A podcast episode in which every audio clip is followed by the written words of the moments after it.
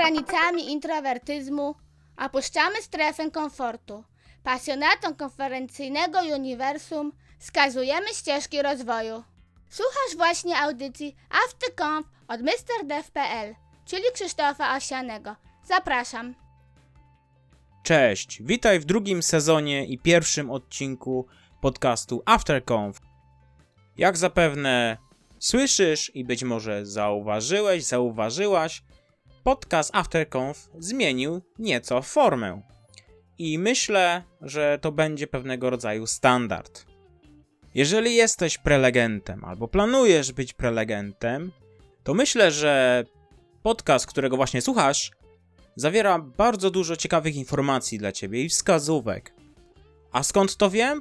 Zaprosiłem do podcastu świetnego prelegenta, który od wielu lat jest już na scenie i dowozi naprawdę dobre prezentacje. Sam o sobie mówi, że zarabia pieniądze opowiadając historię. Tak, w dzisiejszym podcaście miałem przyjemność rozmawiać z Pawłem Tkaczykiem. Zapraszam do słuchania. No to cześć. Cześć. E, kim jesteś, czym się zajmujesz? Nazywam się Paweł Tkaczyk i zarabiam na życie opowiadaniem historii. Tak zawsze mówię. E, mam firmę od 19 lat, która zajmuje się budowaniem marek. Jestem strategiem marki, pomagam firmom w budowaniu silnych marek. Oprócz tego piszę. Piszę blog, piszę książki i oprócz tego gadam do ludzi w czasie szkoleń, e, konferencji, występuję na scenie. To są właściwie większość tego, co robię. E, jak długo jesteś prelegentem, skoro mówisz, że występujesz na scenach?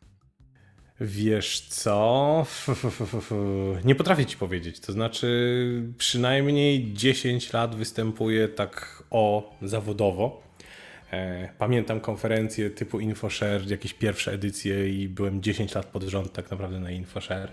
Ciekawe. Natomiast e, zacząłem występować, wydaje mi się, gdzieś koło 2003-2005 roku. Tak mniej więcej to wygląda. Ciekawe, to ja wtedy kończyłem szkołę średnią. No więc jestem stary i jestem na tym rynku dosyć długo. Okej, czy jesteś w stanie powiedzieć, ile takich prezentacji dowiozłeś?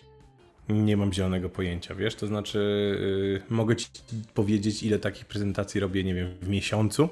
Jak sobie to pomnożysz razy 15 lat, no to wtedy będzie. Oczywiście, że tempo nie jest równe, tak? Natomiast yy, w tej chwili spędzam koło 20 dni w miesiącu poza firmą, poza domem. E, z czego nie wszystko oczywiście jest, to są publiczne prezentacje, bo czasem to są warsztaty z klientami, doradztwo, szkolenia. Natomiast myślę, że w miesiącu dowożę 5 do 10 takich prezentacji, e, co lekko licząc daje mi 100 takich prezentacji w roku i razy 15 lat No daje ładnie. 1500 prezentacji. No to ciekawy wynik, tu mnie zaskoczyłeś. E, Czy nadal czujesz stres? Zawsze, absolutnie. To znaczy, oczywiście zupełnie inaczej niż jeszcze 10 lat temu. Natomiast zawsze mówiłem, że ze stresem jest e, jak ze strachem za kierownicą. Znaczy, ktoś mi kiedyś powiedział, że jeśli nie boisz się, to nie powinieneś wsiadać za kółko. Jeśli się nie stresujesz, nie powinieneś wychodzić na scenę, bo najprawdopodobniej położysz wystąpienie. No tak, tak. Sam występuję troszkę i też widzę, pomimo tego, że mam tak naprawdę w porównaniu do ciebie mizerne doświadczenie, jak to Mhm. się wszystko zmienia. Znaczy, no wiesz, ten stres mo- może cię paraliżować e, i wtedy jest zły, natomiast absolutnie może cię też stawiać na nogach i, i sprawiać, że jesteś dużo bardziej uważny w tym, co robisz i e, w taki sposób staram się. A co było powodem w ogóle wyjścia na scenę? E, wiesz co? To jest tak. Pod koniec XX wieku, chciałem powiedzieć XIX, ale pod koniec XX wieku firma Adobe wypuściła taki program, który nazywa się InDesign. E, InDesign był spełnieniem wszystkich właściwie mokrych snów typografów, dlatego że on potrafił robić rzeczy, których żaden inny program przed nim nie potrafił. E, I ja byłem w takim zespole, który pracował dla Adobe, i, czy firmy właściwie pracującej dla Adobe i mm, zajmował się polonizacją InDesigna. Czyli no, używaliśmy tego InDesigna jako, jako beta testerzy e, i przygotowywaliśmy polską wersję. I w momencie, kiedy InDesign wszedł na rynek, to był rok bodajże 2000 albo 2001, głowy nie dam, e, to pojawiła się potrzeba szkolenia z tego programu, bo właściwie nikt nie potrafił obsługiwać go i tak dalej. I jeden z y, chłopaków, którzy ze mną pracowali, było nas w Polsce tych testerów e, w tym zespole chyba pięciu. E, Jeden z chłopaków, którzy ze mną pracowali, pracował w certyfikowanym ośrodku szkoleniowym Adobe. E, I on do mnie zadzwonił i powiedział: Paweł, słuchaj, ponieważ jest potrzeba szkolenia z tego InDesigna, E, a my tego programu używaliśmy właściwie ponad rok już, znaliśmy go jak własną kieszeń, każdy kawałek musieliśmy przejrzeć. Czy nie przyjechałbyś sprawdzić, czy potrafisz szkolić tak na testowe szkolenie po prostu? No więc pojechałem na to testowe szkolenie. Okazało się, że po pierwsze bardzo mi się to podoba, e, mówienie do ludzi. Po drugie jestem w tym dobry. E, wiedziałem, że jakby lubię mówienie ze sceny, dlatego że jeszcze w liceum miałem jakiś tam swój kabaret, graliśmy różne rzeczy, więc, więc e, to głębokie lata 90. Natomiast e, okazało się, że jestem w tym dobry i zacząłem to robić. Zacząłem szkolić właśnie z Photoshopa, InDesigna, Illustratora, takich rzeczy, którymi się zajmowałem na co dzień, bo pracowałem jako projektant graficzny. I mam taką umowę ze sobą, że nie lubię trenerów teoretyków, to znaczy gości, którzy nie wiedzą o czym mówią, którzy szkolą z czegoś, czego nie robią, więc, więc e, w momencie, kiedy przestaję coś robić zawodowo, no to też przestaję z tego szkolić. E, I kiedy przestałem zajmować się projektowaniem, przestałem szkolić z projektowania, zacząłem szkolić ze strategii marketingowej, różnych innych takich rzeczy. Natomiast no, na scenie już zostałem, no bo w ramach jakiegoś takiego budowania swojej marki też występowałem na różnych właśnie wydarzeniach IT. Wtedy były wie, wielka taka moda na wszelkiego rodzaju barcampy, konferencje i różne takie cudawianki e, w branży IT, designu. Myśmy jako firma też coś takiego organizowali, więc, więc e, trochę tego czasu na scenie spędzałem. No i jakby piąłem się w górę po tych szczebelkach od y, takich wydarzeń jak, y, nie wiem, Radom IT. E, było takie kiedyś, Jakub Cyran pamiętam, organizował. E, aż po właśnie internet beta, infoshare, różne takie cudawianki. Ciekawe, ciekawe. Czy tak troszeczkę bym powiedział, e, troszeczkę z przypadku. E, wszystko w życiu jest z przypadku, także wiesz, bardzo często sobie coś planujesz, a potem życie cię, że tak powiem, uderza w twarz, więc, więc e, nie, nigdy sobie nie wyobrażałem, że będę życie spędzał na scenie gdzieś tam wcześniej. Nawet kiedy miałem ten swój kabaret w liceum, to e, wolałem raczej, nie wiem, reżyserować, pilnować tego wszystkiego niż, niż stać na scenie, ale oczywiście stałem. Czyli powiedzmy, szkoła w jakiś sposób lub twoje działania w szkole troszkę cię przygotowały do tego Mm, występowania. Tak, natomiast y, w momencie, kiedy skończyłem szkołę, byłem na studiach, w ogóle nie dotykałem się tego. Mhm. Y, No, wróciłem, tak jak powiedziałeś, trochę z przypadku. Czy masz jakąś swoją ulubioną prezentację, swoją lub może kogoś? Wiesz co, dużo oglądam prezentacji TEDowych. Bardzo lubię prezentację Serkena Robinsona o edukacji na przykład. On tam dwie albo trzy ma prezentacje na TEDzie. E, bardzo lubię to, jak mówi na przykład Jane McGonagall, plus oglądam mnóstwo startuperów, jakiś, jakiś e, Carlin, jakiś, nie wiem, Trevor Noah, e, różne takie, takie rzeczy. Także to nie jest tak, że mam jakąś swoją ulubioną prezentację. Uwielbiam słuchać mądrych ludzi. Wiesz, jakby mm, spędzam tak dużo czasu na konferencjach wszelkiego rodzaju, że to nie jest tak, że mam swoją ulubioną prezentację, no ale na przykład, kiedy, nie wiem, Krzysiek Sobieszek ostatnio e, mówił na kongresie online marketingu o, nie wiem, współpracy z agencjami reklamowymi, no to ja mówiłem, o Jezu, to jest dokładnie to, to co chciałbym usłyszeć. Także uważam go za bardzo mądrego człowieka. I, i, i są tacy ludzie właśnie, których po prostu lubię słuchać, dlatego że, że no, są mądrzy. Y, Jay kojarzę z tego, co pamiętam, to działa w obszarze grywalizacji, nie? Jane McGonagall? Tak, tak. Ona jest osobą, która. Mhm, tak, która jest jednym z mózgów za grywalizacją. Stosowałeś kiedyś grywalizację w swoich prezentacjach? E, wiesz co? Jedna z największych konferencji polskich e, marketingowych, I Love Marketing, to jest konferencja, która opiera się o grywalizację. Czyli e, założenie jest takie, że publiczność ocenia prezentację, a wynagrodzenie prelegentów jest właściwie powiązane tylko i wyłącznie z oceną, jaką dostaniesz. Czyli masz jakąś tam minimalną stawkę, za jaką występujesz, e, a powyżej tej stawki to już kwestia jest tylko i wyłącznie tego, jakie miejsce nastukasz. Więc e, nie wiem, czy używałem grywalizacji e, w sensie, w sensie do zarządzania widownią. Wydaje mi się, że do tego akurat grywalizacja się nie nadaje, ale uczestniczyłem w zgrywalizowanych konferencjach jak najbardziej. To też ciekawa informacja. Ja ze świata IT pochodzę i głównie na konferencjach IT Mhm. bywam, więc widzę, że jeszcze dużo tutaj do nadrobienia. No, muszę ci mamy. powiedzieć, że I Love Marketing, jeśli chodzi o poziom na przykład merytoryczny, dzięki tej grywalizacji, uważam I Love Marketing za, za jedną z najlepszych merytorycznych konferencji w Polsce, właśnie dzięki tej grywalizacji. Ludzie się starają, bo wiedzą, że właściwie są natychmiast oceniani i ma to bezpośrednie przełożenie na to, nie tylko ile zarobią, no, ale też te tabele są podawane do publicznej wiadomości. To jest, wiesz, jak Mistrzostwa Polski prelegentów po prostu, taki konkurs. No to, to, to ciekawe, ciekawe. Czy wystąpiłeś kiedyś nieprzygotowany, tak typowo nieprzygotowany, powiedzmy, zrobiłeś slajdy i na tym koniec? Nie, uważam, że to jest potworny brak szacunku dla ludzi, którzy cię słuchają, także nie, nie, nie zdarzyło mi się. A powiesz coś na temat storytellingu, narratologii? A co byś chciał wiedzieć? Tak ogólnie może, co to jest? Znaczy w zasadzie ja wiem, co to No. jest, ale myślę, że słuchacze mogą nie wiedzieć. E, nie ma definicji dobrej storytellingu, w sensie takim, że storytelling, e, tłumacząc najprościej opowiadanie historii, no nie oddaje tego, e, czym storytelling jest. Ja lubię używać takiej definicji, którą e, nazywam podmiana rzeczywistości. Story, storytelling podmienia jedną rzeczywistość na inną, to znaczy w momencie, kiedy ta rzeczywistość się zmienia, zmienia się na przykład wartość obiektu, czyli obraz, o którym słyszałeś historię, że jest fałszywką, jest dużo mniej wart niż obraz, o którym słyszałeś, ten sam obraz fizycznie, o którym słyszałeś historię, że mm, jest prawdziwy, że pochodzi od jakiegoś tam słynnego malarza i tak dalej.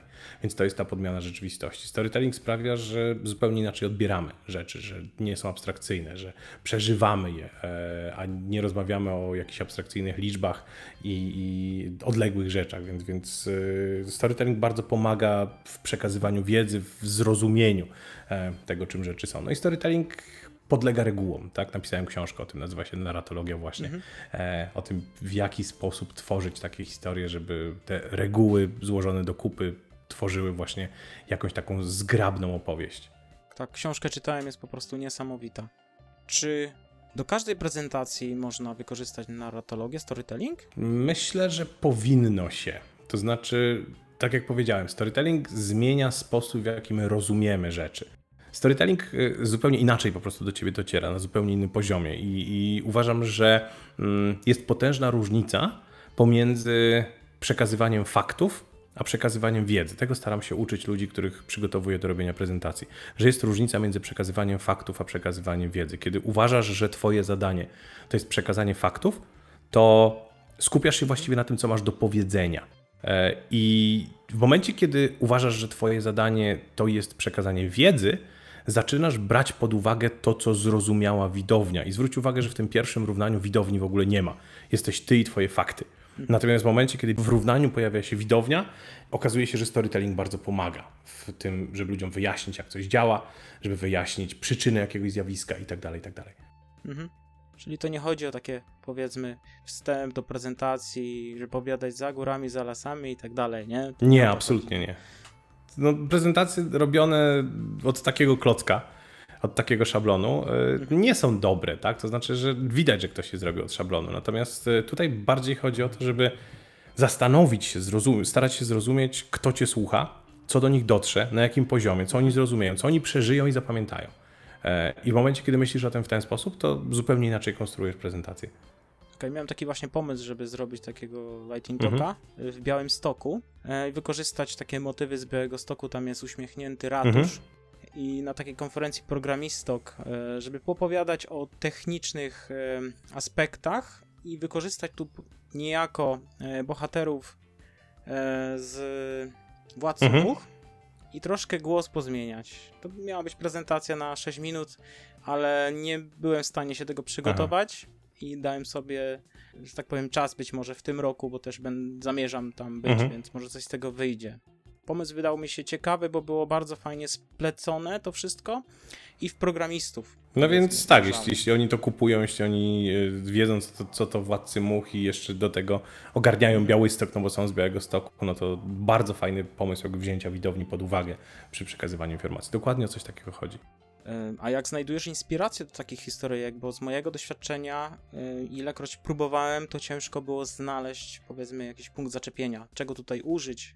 Wiesz co, to jest kwestia czegoś takiego, co ja nazywam randomizacja. To znaczy, że my żyjemy w bańce informacyjnej. Wybieramy informacje, które potwierdzają nasz światopogląd, trzymamy się swoich zainteresowań i tak dalej. I bardzo ciężko jest znaleźć ins- inspirację w momencie, kiedy ludzie w podcastach, czy, czy w książkach, czy na Facebooku mówią do ciebie o rzeczach, o których ty już wiesz. Więc y, ja mam taką umowę ze sobą, że mam kilka takich aktywności w życiu, czy w ciągu miesiąca, czy w ciągu tygodnia, które są całkowicie losowe.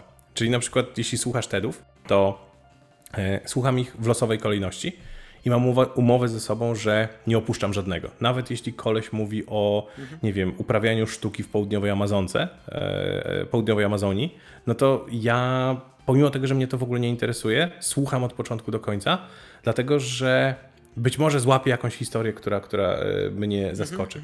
E, Mam taką umowę ze sobą, na przykład, że od czasu do czasu idę do Empiku czy do innej księgarni i biorę losową książkę. I umawiam się ze sobą, że ją przeczytam od początku do, końca, od dechy do dechy. Chociaż nie jest z mojego działu, nie jest z mojej bajki zupełnie. Trafiam czasem na przykład na, nie wiem, biografię. E, za którymi nie przepadam, ale no, fajne rzeczy. Więc, więc inspiracja bierze się z takiego łączenia kropek, tylko, że żeby połączyć kropki w nowy kształt, musisz mieć tę kropkę, kilka kropek przynajmniej, w innym miejscu, poza swoim zbiorem i w tym momencie one zaczynają tak naprawdę tworzyć nowe kształty. Więc, więc e, tak, e, chłonę wiadomości, chłonę, mm, nie wiem, podcasty i tak dalej, i tak dalej, więc, więc e, no, tutaj pojawiają się rzeczy od obcych ludzi. Obcy ludzie są zawsze genialną inspiracją. Obserwacja ludzi też bym powiedział. Obserwacja, słuchanie, takie rzeczy. Powiesz, na jakim sprzęcie prezentujesz? Wiesz co, mam MacBooka Pro, model chyba z 2017 roku, pierwszy z touchbarem, e, który wyszedł. Mhm. Mam pilota od Logitecha, nazywa się Logitech Spotlight. E, No i oprogramowanie, którego używam, to jest Apple'owy Keynote. Żadnych jakby fascynujących rzeczy. Mhm.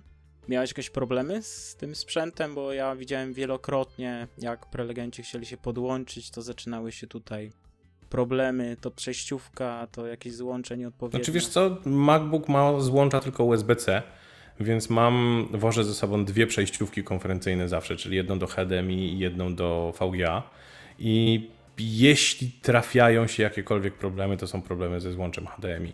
Dlatego, że w złącze HDMI jest zbudowana ochrona przed piraceniem sygnału i w momencie, kiedy na przykład, y, nie wiem, między rzutnikiem a komputerem są jakieś rozdzielacze sygnału, są jakieś cudawianki zamontowane, szczególnie na przykład, kiedy konferencja jest jeszcze, nie wiem, transmitowana na żywo, to trzeba bardzo uważać na to, żeby te wszystkie złączki HDMI, one były ze sobą kompatybilne, żeby to zabezpieczenie antypirackie nie wyłączyło sygnału, bo, bo to właściwie do tego się sprowadza, tak? Że, że sygnał się wyłącza, kropka, nic się nie pokazuje, ale w razie czego zawsze masz stare złącze VGA, które jest analogowe i które przejdzie przez wszystko i gdyby cokolwiek zawiodło, no to zawsze mogę na tym polegać.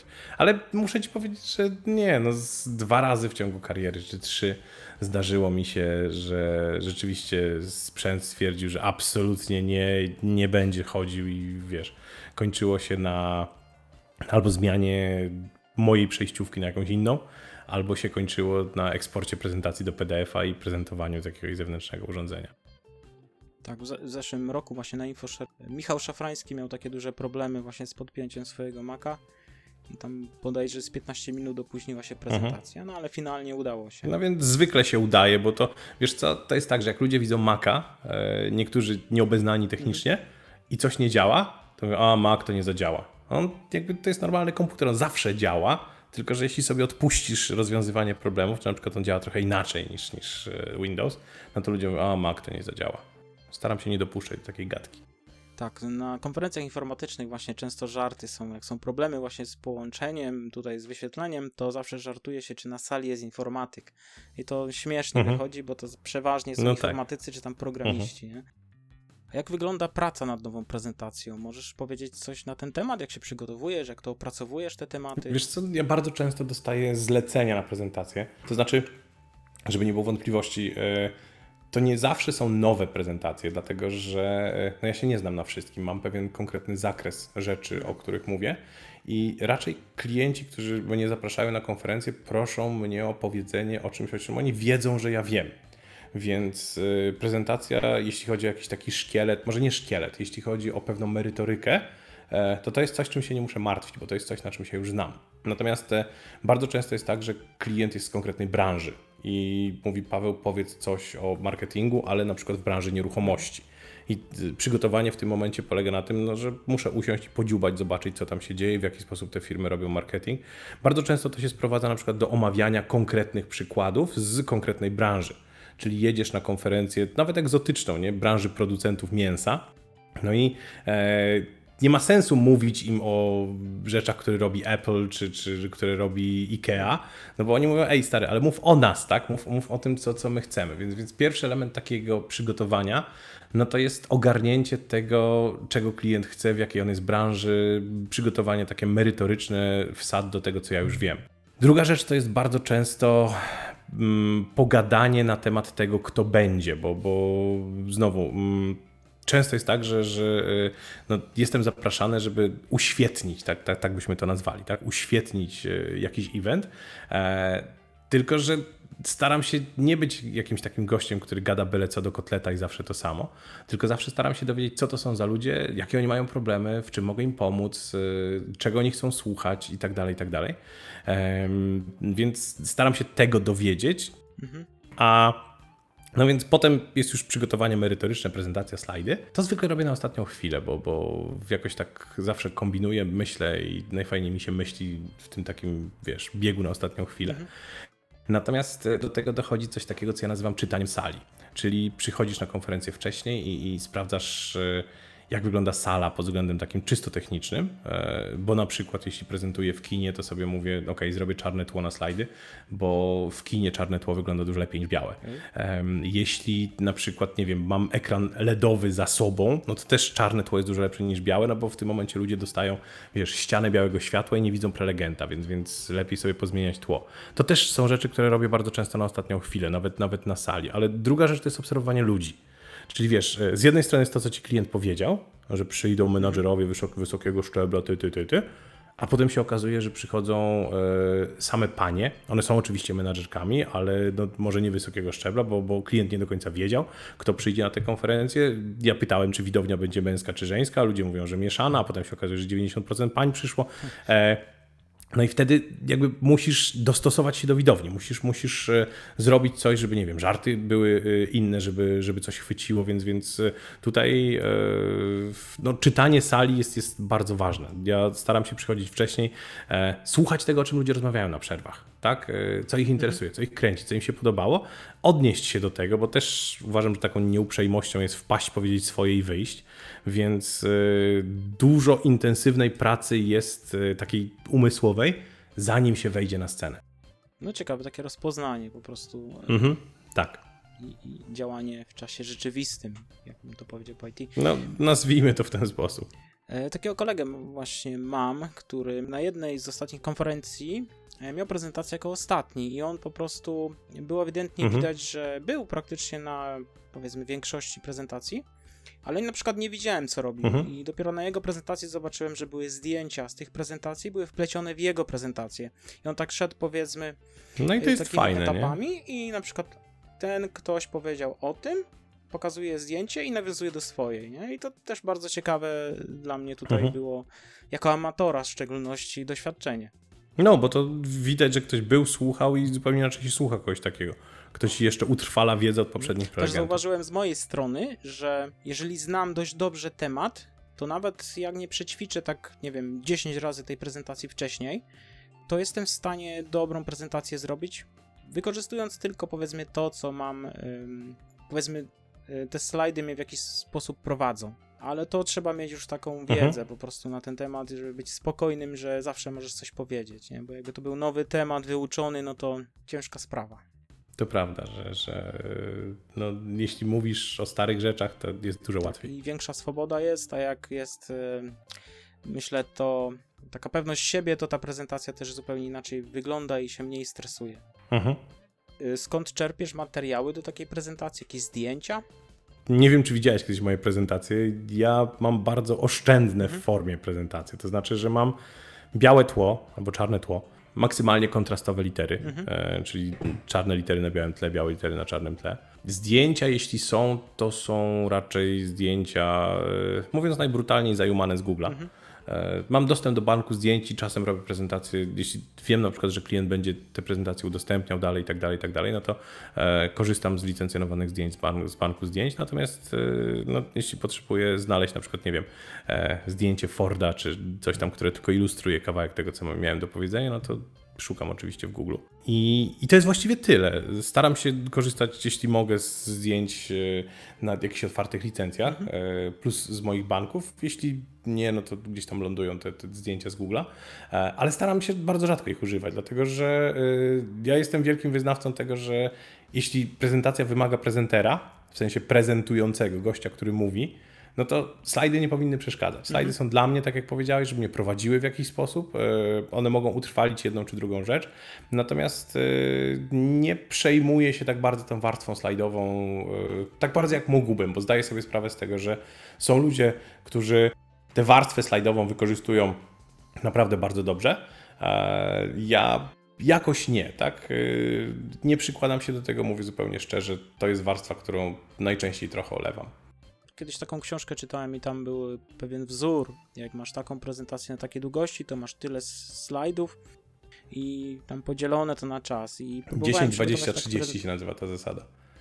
Yy, możliwe. I próbowałem przygotować po prostu prezentację w ten sposób, ale mi też w ogóle nie kleiło, bo ja chciałem coś technicznego i trudnego wytłumaczyć. Pot- potrzebowałem po prostu pokazać to na slajdach i to było często, yy, wiesz, na przykład 10 slajdów i to 30 sekund trwało. Mhm. Więc to wydaje mi się, że to wszystko zależy. Zależy, natomiast ja szanuję zasadę 10, 20, 30. Ona dla tych, którzy nie wiedzą, mówi 10 slajdów na 20-minutową prezentację, font nie mniejszy niż 30, se- 30 stopni. A, e, I zwykle w dłuższej perspektywie to mi się zgadza, tak? To znaczy, że y, jeśli mam prezentację 45-minutową, no to ona zwykle 20, 25, maksymalnie 30 slajdów. I teraz oczywiście wiem, że są takie miejsca, gdzie na przykład y, mówię jedno zdanie, przerzucam slajd jedno, bo pokazuję coś takie, tak jak mówiłeś, ale y, ogólnie, kiedy projektuję prezentację, no to te dwie minuty na slajd to jest tak, takie rozsądne tempo. Może jakieś por- porady dla prelegentów nowych? Mm, Wiesz co, ciężko jest tak powiedzieć porady dla prelegentów nowych. To, to, co mówiliśmy do tej pory, jest całkiem niezłym frameworkiem do tego, żeby się przygotować. Z drugiej strony mm, właśnie dowiezienie tego. w- Dobra porada to jest dbać o jakby to powiedzieć, e, emocjonalną warstwę prezentacji. To znaczy, że nie jest ważne tylko i wyłącznie to, co masz do powiedzenia merytoryczne, ale ważne jest to, co masz do powiedzenia, no inaczej, ważne jest to, co czuje widownia, E, bo oni zapamiętają pewien emocjonalny ślad po prezentacji i fajnie jest traktować prezentację tak, jakby się reżyserowało film. E, Kiedy reżyser reżyseruje film, no to on się zastanawia, co moja widownia będzie czuła w danym momencie, jak oni powinni zacząć, w sensie uczucia, e, co powinno być w środku, jak oni powinni skończyć. I teraz, jak, kiedy zaczynasz myśleć o tej warstwie emocjonalnej swojej prezentacji, jak widownia będzie się czuła na początku, jak w środku, jak na końcu, możesz sobie taki wykres e, wykreślić, że oni teraz są podniesieni na duchu, teraz jest śmiesznie, teraz jest smutno i tak dalej, i tak dalej.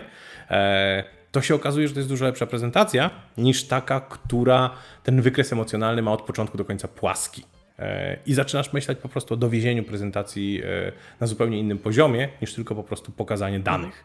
Tak, widziałem taki, taką krótką prezentację też znajomego, który doprowadził nas wszystkich tak naprawdę do takiego śmiechu, że tam już każdy się śmiał i Mhm. nagle zrobił taki obrót w drugą stronę, że każdemu zrobiło się tak naprawdę głupio przez to, że się śmialiśmy, nie? No więc właśnie o to chodzi. I to jest, to jest takie, widzisz, żonglowanie emocjami widowni. Takie prezentacje się dużo lepiej zapamiętuje. Tak, powiesz może jak ty przez te wszystkie lata, czy, czy w jaki sposób rozwijałeś te swoje umiejętności, czy z jakichś książek korzystałeś, czy ze szkoleń lub czegoś innego? Czytałem książki o prezentowaniu, tam prezentuję jak TED i tak dalej. A, natomiast wydaje mi się, że ja akurat mam to szczęście, że ja ćwiczę. Właściwie, wiesz, e, 20 dni w miesiącu stojąc przed ludźmi, czy prowadząc warsztaty, czy prowadząc szkolenia, czy prowadząc prezentacje, nie narzekam na brak praktyki. I jeśli miałbym mówić o najlepszym sposobie na ćwiczenie, to jest właśnie zmuszać się do e, mówienia przed ludźmi. Teraz są różne organizacje typu Toastmasters czy, czy Tak. jakieś inne, gdzie, gdzie e, zapisujesz się i jednym z warunków uczestnictwa, słuchania tego, co mówią inni, jest mówić też samemu. Nie tylko mówić, ale poddawać się ocenie. To znaczy, że y, wiesz, jeśli jesteś zadowolony ze wszystkiego, co wychodzi z Twoich ust, no to leci grafomaństwem strasznie, nie? E, I to nie jest zdrowe podejście. Natomiast e, w momencie, kiedy wychodzisz na prezentację, e, mówisz, co masz do powiedzenia, i potem jesteś oceniany dodatkowo, czyli ludzie mówią, to ci wyszło dobrze, to ci wyszło źle. To daje ci takie paliwo do rozwoju. U mnie na przykład takim stałym paliwem e, są oceny po szkoleniach, czyli, czyli zawsze po szkoleniu takim otwartym czy, czy nawet zamkniętym e, ludzie wypełniają ankiety. I ja widzę z jednej strony jakby numeryczny wskaźnik tego, jak mi poszło, a z drugiej strony widzę feedback, tak? Ludzie mówią za mało ćwiczeń, za szybko, za wolno i tak dalej, i tak dalej. I to jest coś, co sprawia, że następnym razem poprawiam już nie, nie klepiąc tego samego. Czy jakieś techniki radzenia sobie ze stresem? Bo słyszałem, że jest coś takiego, że powinno się niwelować stres, źródło stresu, a nie powiedzmy już jego skutki. Zdecydowanie tak, natomiast to jest kwestia tego, w jaki sposób działa Twój mózg. E, Stres bierze się z przepalenia, mówiąc w cudzysłowie, w cudzysłowie dużym, obwodów w tak zwanym systemie 2, czyli tym świadomym myśleniu, które się całkowicie przejmuje różnymi rzeczami. E, I mój sposób radzenia sobie ze stresem to jest zdanie się na samym początku wystąpienia na pełną automatykę, czyli tak zwany system 1. Mam wyklepaną formułkę. Cześć, nazywam się Paweł Tkaczyk, zarabiam na życie opowiadaniem historii i jeszcze dam parę zdań, które jestem w stanie wyrecytować w momencie, kiedy mnie obudzisz w nocy, w środku nocy kiedy wychodzę na scenę, to mówię tę formułkę, pierwsze tam 5-6 zdań i okazuje się, że dalej już jest z górki, no bo wyszedłeś na scenę, nikt niczym w ciebie nie rzucił, nic nie wybuchło, wszystko poszło zgrabnie, więc zaczynasz mówić i, i yy, to, to jest jedna rzecz. Druga rzecz, którą ludzie popełniają, wydaje mi się bardzo często, to jest próba uczenia się prezentacji na pamięć. To też jest coś, co przeciąża potwornie twoje obwody w mózgu e, i w momencie, kiedy te obwody zostaną przeciążone, ten system się zrestartuje, to zostajesz w głowie z taką pustą kartką. Nie masz absolutnie ni- nic do powiedzenia, bo uczyłeś się na pamięć i właśnie ta kartka zniknęła. Także ja jestem wielkim fanem takiego podejścia, że slajdy prowadzą ciebie. Masz na slajdach to, co miałeś do powiedzenia, przynajmniej zgrubnie zapisane to, co miałeś do powiedzenia. Slajdy, notatki prezentera, różne takie rzeczy.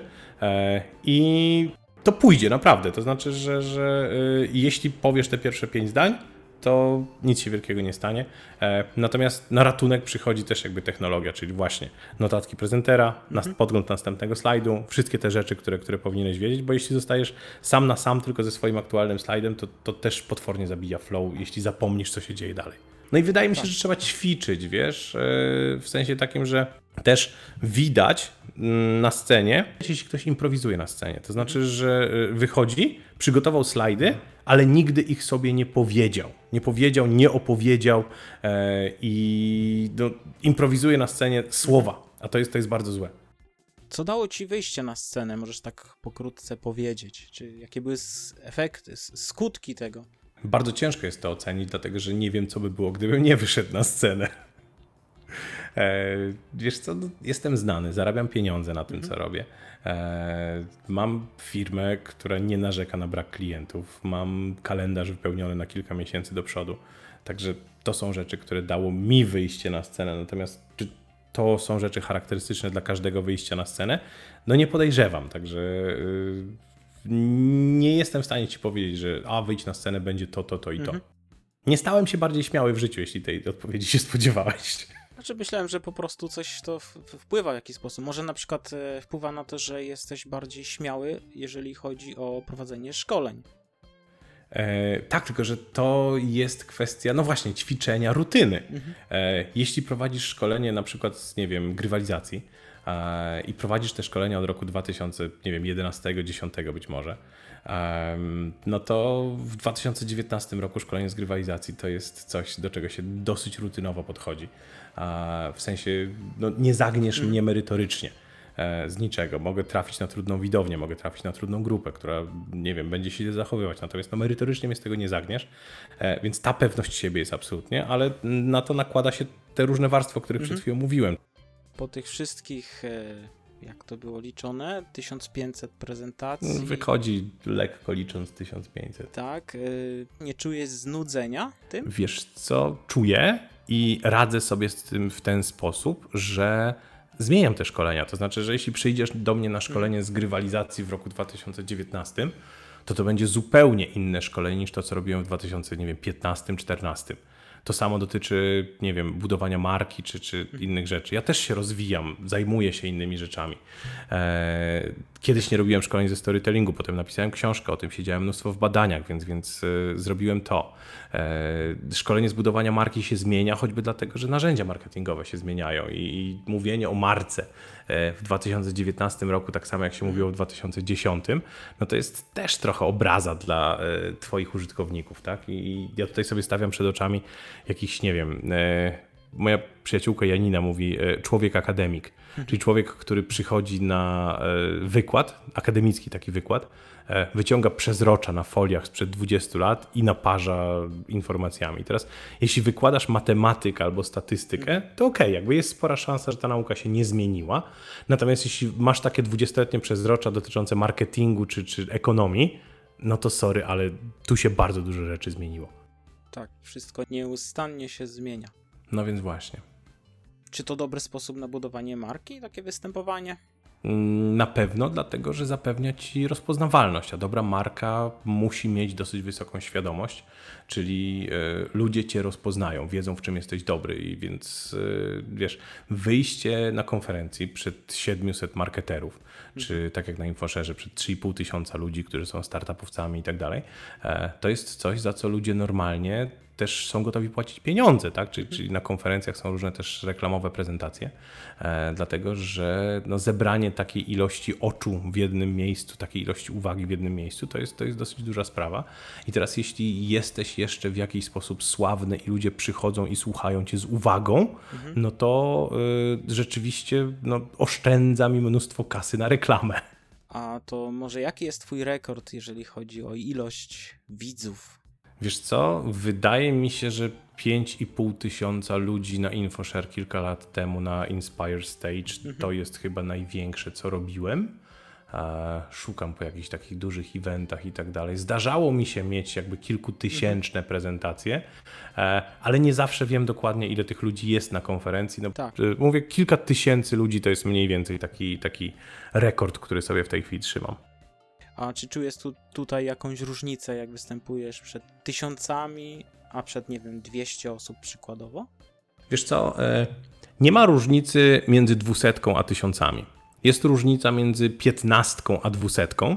To znaczy, że w momencie, kiedy masz 15-20 osób na sali, to kontakt z nimi jest na zupełnie innym poziomie niż kiedy rozmawiasz z 200 osobami.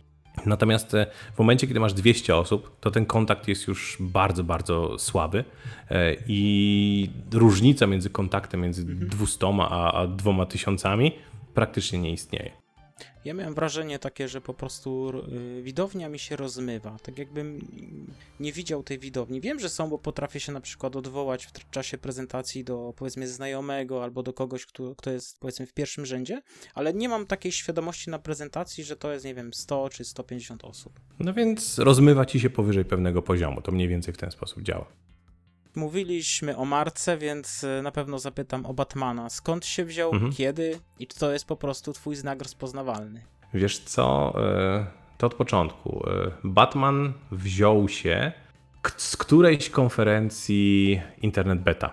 Nie jestem w stanie ci powiedzieć dokładnie z której, no ale jesteśmy w okolicach roku 2000, nie wiem, 9, 10.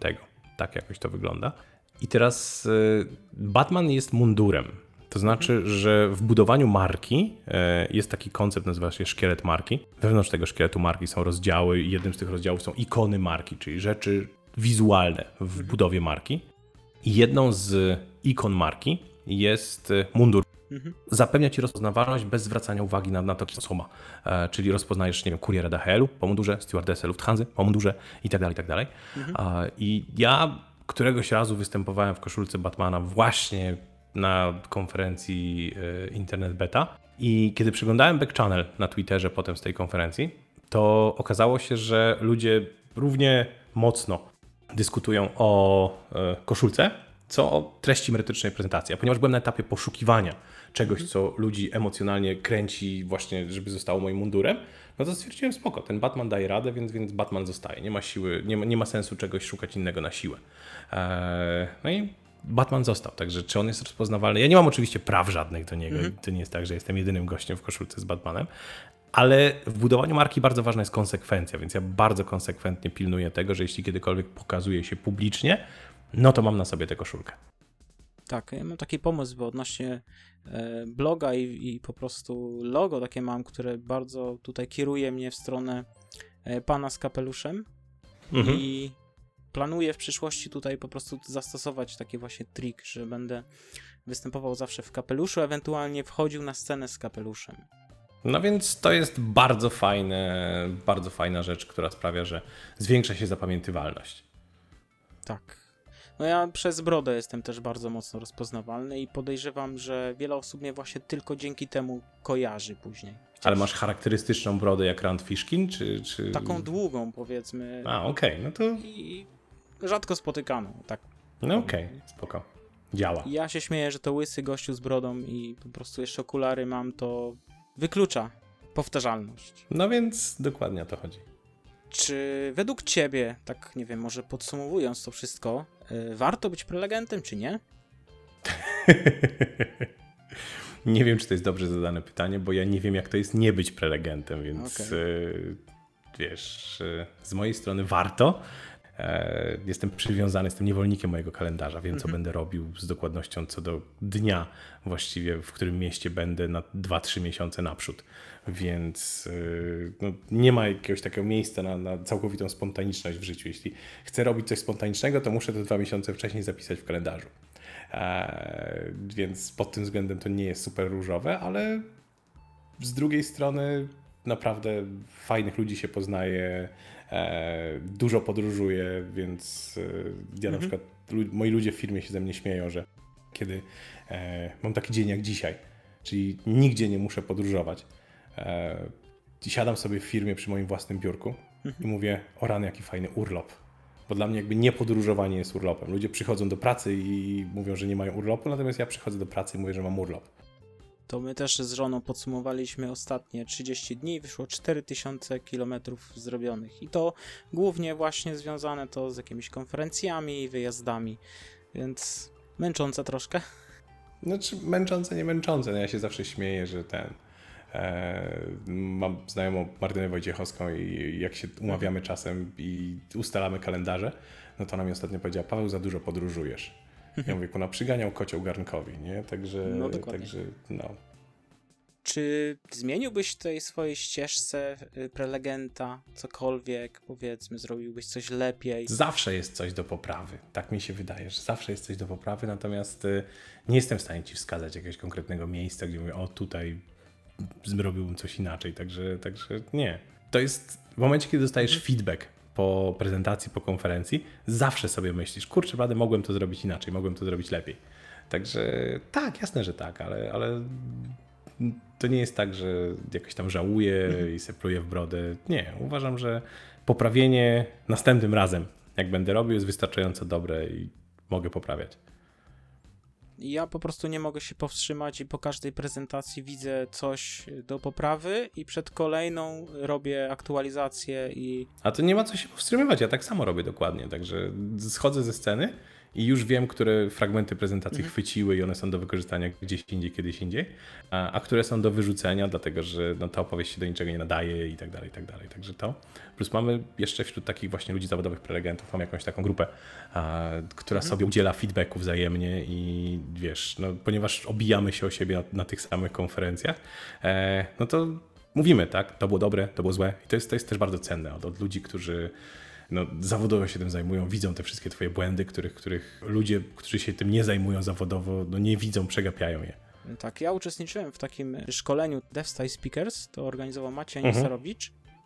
I tam bardzo fajnie było mm, właśnie to, że e, po prezentacji wszyscy uczestnicy dawali feedback. E, W pierwszej edycji Mhm. był to słowny feedback, więc można powiedzieć, że zostałem tak trochę zrugany. Po zejściu ze Mhm. sceny nie, chciałem po prostu nigdy więcej wyjść, ale jak się później okazało, e, po tym wydarzeniu dowiozłem chyba 8 prezentacji jakieś tam Mhm. warsztaty i po prostu to nie była prawda, ale wydaje mi się, że ten feedback był bardzo dobry, ale w drugiej A edycji czekaj, nie tak, była prawda, feedback był nieprawdą? był prawdą. tylko że to tak w pierwszy, pierwsze wrażenie miałem takie, że nigdy tego więcej nie będę robił, bo się nie nadaje. A, okej, rozumiem. Tak.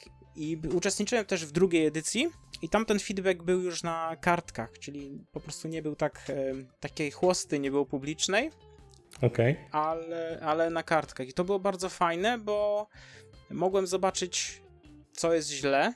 Mhm. Jak się okazuje, to bardzo duża różnica było, czyli te moje 8 czy tam 9 prezentacji, jakie zrobiłem przez rok. Dla ciebie to śmieszna liczba. E, No naprawdę. nie, nie mów tak. Ja sobie zdaję sprawę, że jakby prezentuję na, e, jeśli chodzi o liczby, na trochę innym poziomie niż większość ludzi, także to nie jest tak, że ona jest Dokładnie. śmieszna. Moja jest jakby nieprawdopodobna, ale to nie jest tak, że inne są śmieszne. Tak, ale w, o, ogromne robotę w tym czasie zrobiłem, takie mam wrażenie, i też Mhm. to inni zauważyli, więc. A ja czuję po prostu, że jestem na początku drogi, tak naprawdę. W rozwoju. No więc trzymam kciuki za ciebie, za 1500 prezentację trzymam kciuki. 1500, to żona by mnie tu chyba. E, Czy występowałeś za granicą w języku angielskim, czy tylko Polska? Nie, nie, nie. Występuję za granicą w języku angielskim, natomiast mam markę zagraniczną, o której nie mówię w Polsce, więc ja sobie rozwijam moją markę zagraniczną, ale nie będziemy o niej rozmawiać. Okej. Jakie było Twoje najgorsze, a jakie najlepsze wystąpienie? Możesz tutaj coś powiedzieć na ten temat? Nie, myślę, że przy tych liczbach to bardzo ciężko jest powiedzieć. Znaczy, oczywiście mogę mówić o pewnych, pewnych jakichś takich doświadczeniach. Kiedyś pamiętam, właściciel firmy budowlanej zaprosił swoich klientów na taką, to było gdzieś w lipcu albo sierpniu, w każdym razie grube lato, e, na jakąś taką imprezę w ramach podziękowania za to, że są klientami. Zabrał ich na dwa dni do jakiegoś hotelu nad jeziorem i wymyślił sobie, że genialnym pomysłem będzie na, w połowie drugiego dnia tym ludziom zrobić jakąś merytoryczną prezentację o marketingu, o budowaniu marki osobistej i tak dalej. I mnie do tego zatrudnił. I teraz wyobraź sobie tych ludzi z branży budowlanej, którzy y, nad jeziorem przez dwa dni łoili po prostu wódę, piwo, wszystko. I jakby w środku drugiego dnia ktoś ich spędził do jakiejś sali i powiedział, a teraz będziecie go nasłuchać przez dwie godziny o budowaniu marki osobistej. Ten tłum nie był przyjazny, umówmy się, także y, było dosyć ciężko. Zwłaszcza, że wydaje mi się, że to była rzecz, która ich w ogóle, w ogóle nie interesowała od początku do końca. Więc y, to. E, Z lepszych prezentacji, e, ostatni InfoShare chyba poszedł mi całkiem dobrze, bo ludzie, z których zdaniem się liczę, napisali z jednej strony mi, a potem też między sobą, bo tam zbierałem ten feedback, e, że to była naprawdę rewelacyjna prezentacja. Janina, o której już tutaj gdzieś wyszła w rozmowie, przyjaciółka moja pokazała mi takie zapisy z tej prezentacji, gdzie ktoś po jej wystąpieniu napisał e, Janina, Boże, co to za przeżycie, to była najlepsza prezentacja, jaką słyszałem w życiu. A potem po, po mojej prezentacji jej napisał Sorka, Tkaczyka była lepsza. także odwołuję to, co powiedziałem, Tkaczyka była lepsza, nie? E, Tak, tak. także, także to i, i e, no, czasem ci się zdarzają, wiesz, to jest tak jak ze skokami narciarskimi. Ważne jest, żeby dowozić równomierne skoki e, zawsze, a od czasu do czasu zdarzy się perełka, czyli taki, taki naprawdę, naprawdę rewelacyjny kawałek, więc, więc tak, miałem kilka takich prezentacji. Ja w ogóle bardzo dobrze InfoShare wspominam jako, jako e, takie prezentacyjne rodeo, bo zawsze na InfoShare robiłem rzeczy niestandardowe, czyli ćwiczyłem sobie nowy materiał, e, robiłem rzeczy, których e, nigdzie indziej bym nie powiedział, czyli na przykład z tych wow, prawie 10, bo, od, od, odpuściłem sobie 10 InfoShare w kolejności. Z prawie 10 infoszerów, na, na, na których byłem po kolei, e, było kilka prezentacji, których nigdzie indziej już więcej nie powtórzyłem, czyli e, takie, które były tylko i wyłącznie na widowni infoszerowej, no bo jakby ćwiczyłem sobie eksperymentalne materiały. Ja byłem z tych prezentacji naprawdę bardzo zadowolony, także, także wiesz. Ja widziałem tylko tak naprawdę, co się działo w sieci i informacje typu, że wyznaczyłeś nowe standardy w Tak, prezentowaniu. to też jest taki feedback, który dostałem po prezentacji na InfoShare. Więc e, żałuję, że nie mogłem być. Może kiedyś. Może kiedyś. A gdzie cię można spotkać, jeżeli ktoś by chciał pójść na jakąś konferencję? Wiesz co? Najlepiej mnie śledzić na Facebooku, na fanpage'u Paweł Tkaczyk, dlatego że tam są najbardziej e, aktualne informacje. E, W tej chwili sezon konferencyjny się kończy, no bo nagrywamy to 21 czerwca i ja właściwie pracuję e, z klientami. Nie ma, nie ma już konferencji jakichś, szczególnie w wakacje, do, do 3 lipca, potem wyjeżdżam i, i wracam we wrześniu dopiero. E, do jakiegokolwiek występowania. W październiku jest konferencja I Love Marketing, w październiku będzie kongres online marketingu. To są dwa takie duże wydarzenia, na których na pewno będę występował. Będzie internet beta. E, Nie wiem na 100% czy będę na internet becie. Jeszcze muszę sprawdzić, jak, jak wygląda mój kalendarz wrześniowy. A, więc to, natomiast y, no, szwendam się tu i tam. E, więc, więc jeśli ktoś chce mnie posłuchać, to mówię, zapraszam na tego Facebooka, tam są najbardziej takie aktualne informacje podawane na miesiąc do przodu. Natomiast no, można mnie też po prostu zaprosić, nie? I wtedy też przyjadę. To do zobaczenia gdzieś, myślę, Myślę, w że na Polsce, pewno. gdzieś na jakiejś konferencji. I dzięki, Dzięki wielkie. wielkie. Bardzo mi było miło. Myślę, że te informacje, które udało mi się wydobyć z Pawła, które słyszałaś, słyszałeś właśnie przed chwilą, będą dla ciebie wartościowe i wskażą ci drogę do mm, tworzenia lepszych prezentacji, być może do wejścia na scenę, być może do zastosowania storytellingu w swoich prezentacjach. Ja zachęcam, mam nadzieję, że dostarczyłem wraz z Pawłem interesującą wiedzę. Zachęcam do przejrzenia opisu e, podcastu lub bloga, ponieważ e, zamieszczę tam różnego rodzaju odnośniki do książek, do ciekawych stron lub ciekawych innych informacji, jakie tutaj właśnie w tym podcaście mówiłem bądź mówił o tym Paweł. Ogłoszenie dla Ciebie. 17 sierpnia w Krakowie odbędzie się pierwszy raz konferencja Dynamit IT. Będzie tam dwie ścieżki hard i soft i można już kupować bilety. Oprócz tego październik i listopad to cztery wydarzenia w Polsce. W Poznaniu, Wrocławiu, Krakowie i Katowicach. Mam na myśli lokalne edycje for developers.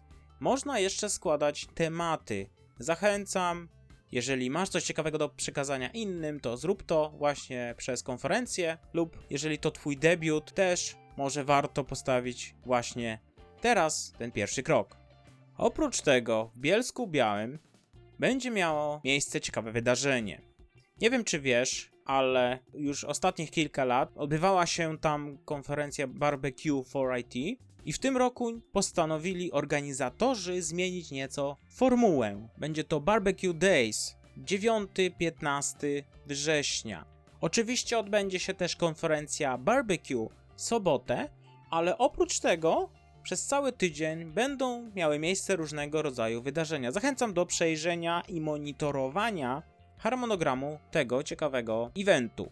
Ciekawostka, ja będę prowadził warsztaty z event stormingu, właśnie z tego co pamiętam, 13 września w piątek, tak, 13 w piątek, mam nadzieję, że będzie dla mnie szczęśliwy. Zachęcam do uczestnictwa, a skoro mówię o event stormingu, to być może nie masz pojęcia, czym jest event storming. Natomiast ja przygotowuję szkolenie online dotyczące właśnie event stormingu o nazwie Szkoła Event Stormingu. Możesz ją znaleźć na szkola eventstormingu.pl, gdzie będę chciał przedstawić Ci tą ciekawą technikę modelowania procesów, odkrywania wiedzy, dzielenia się wiedzą.